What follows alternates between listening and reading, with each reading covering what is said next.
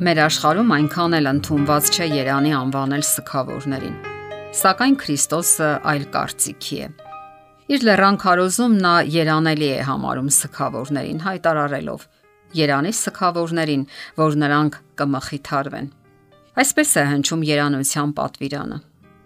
Իսկ այստեղ ներկայացված սուքը անկեղծ սրտի վիշտն է մեղքի համար Երբ մենք նայում ենք խաչի վրա բարձրացված Հիսուսին, տեսնում ենք մարդկային բնության մեղավորությունը եւ հասկանում ենք մեղքի էությունը, որ Փարքի Տիրոջը խարազանեց ու խաչեց։ Թեև մենք մեղավոր էակներ ենք, Աստված շարունակում է սիրել մեզ։ Նա սիրում է մեզ աննկարագրելի քնքշությամբ, թեև մեր կյանքը լի է շարունակական ապերախտությամբ ու ապստամբությամբ։ Մենք լքել ենք մեր ամենալավ ընկերոջը ու չարաշահել երկնքի ամենաթանկ արժեք ապարքևը։ Ամեն անգամ մեղք գործելով մենք նորից ենք խաչում Աստծո որդուն եւ շարունակում խոցել նրա արյունահոսող ու վիրավոր սիրտը։ Երբ մարդը զգում է, որ բաժանված է Աստծուց մեղքի խոր ու ընդարձակ խավար անդունդով, ողբում է դրա համար կոտրված սրտով։ Նման սքավորները կմխիթարվեն։ Աստված օգնում է մեզ հասկանալու մեր մեղքը, որpիսի կարողանանք վազել Քրիստոսի մոտ։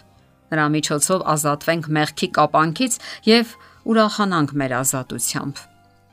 Փրկչի խոսքերում կա մխիթարության լուր նաև նրանց համար, ովքեր վշտացած են կամ ծանր կորուստ ունեն։ Փորձությունը, որը թվում է շատ ծանր ու անտանելի, կյանքի մի պահի հասկանալի է դառնում Դաժան հարվածը, որը խորտակում է այս կյանքի ուրախությունները, միջոց է դառնում մեր աչքերն ուղղելու դեպի երկինք։ Շատերը չէին ճանաչի Հիսուսին, եթե վիշտը նրանց չտաներ Քրիստոսի մոտ մխիթարություն փնտրելու համար։ Մեր կյանքի փորձությունները գործիքներ են Աստծո ձեռքին, մաքրելու մեր բնավորությունը աղտեղությունից եւ անհավասարակշռությունից։ Մեր բնավորության կատարելագործումն ու վերջնական մշակումը ցավոտ գործընթաց է։ Շատ ծանր է գտնվել կյանքի հարվածների ճնշման տակ։ Սակայն երբ Աստված ընտրում է մարդուն, աշխատում է նրա բնավորության վրա։ Պիտանի նյութի վրա Տերը զգույշ նրբանկատ աշխատանք է կատարում։ Նա գործում է բոլոր նրանց հետ, ովքեր վստահում են իրեն, եւ արդյունքում հավատացյալները կարևոր հաղթանակներ են տանում եւ հրաշալի դասեր սովորում։ Դրանք հավատքն ամրապնդող հիանալի փորձառություններ են Մեր երկնավոր հայրը երբեք չի մոռանում նրանց, ովքեր վշտով լի են։ Երբ Դավիթը բարձրանում էր Ձիթենյաց լեռը, գլուխը ծածկած ու ոտքերը բոբիկ, Տերը մեծ կարեկցանքով նայում էր նրան։ Դավիթը քուրձ էր հակել եւ խիղճը տանջում էր նրան։ Նրա խոնարհության արտաքին նշանները վկայում էին նրա հոգու փշրվածության մասին։ Վշտաբեկ արտասվալի ծաղերսանքներով նա Աստծուն ներկայացրեց իր վիճակը եւ Տերը չլքեց իր ծառային։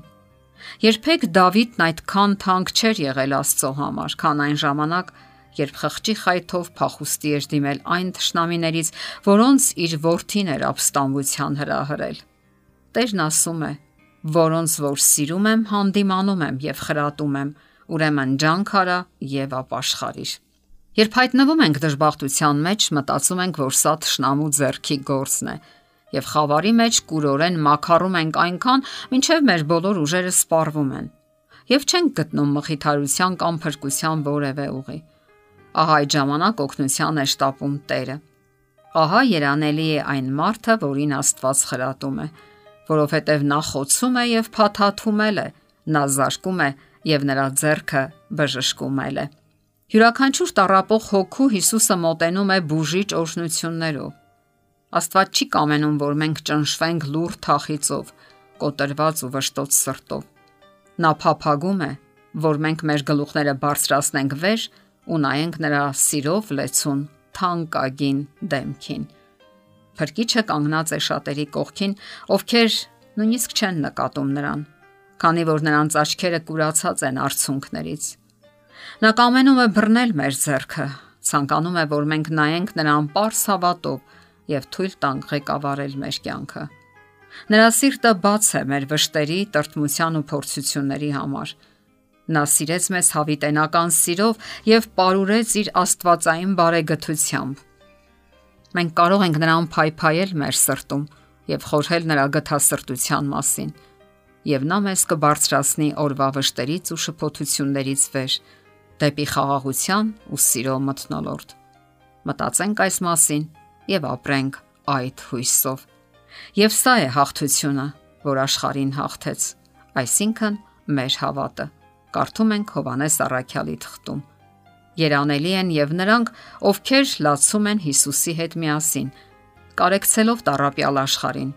եւ վշտանալով այնտեղ կատարվող մեղսագործությունների համար։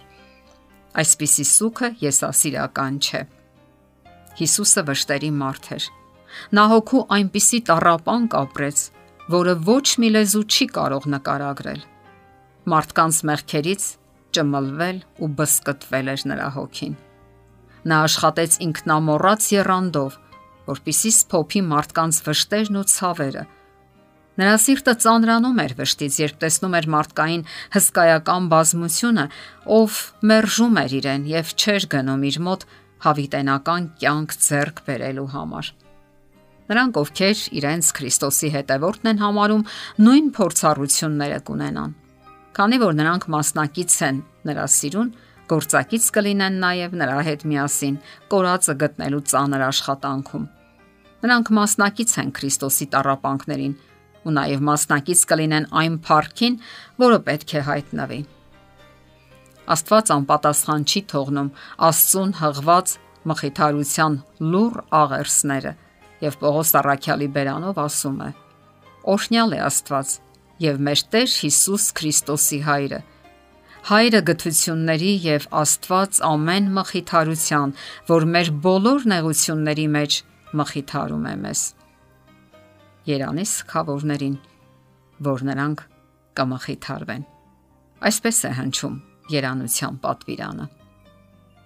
Եթերում է ղողանջ հավերժության հաղորդաշարը։ Հարցերի եւ առաջարկությունների համար զանգահարել 033 87 87 87 հեռախոսահամարով։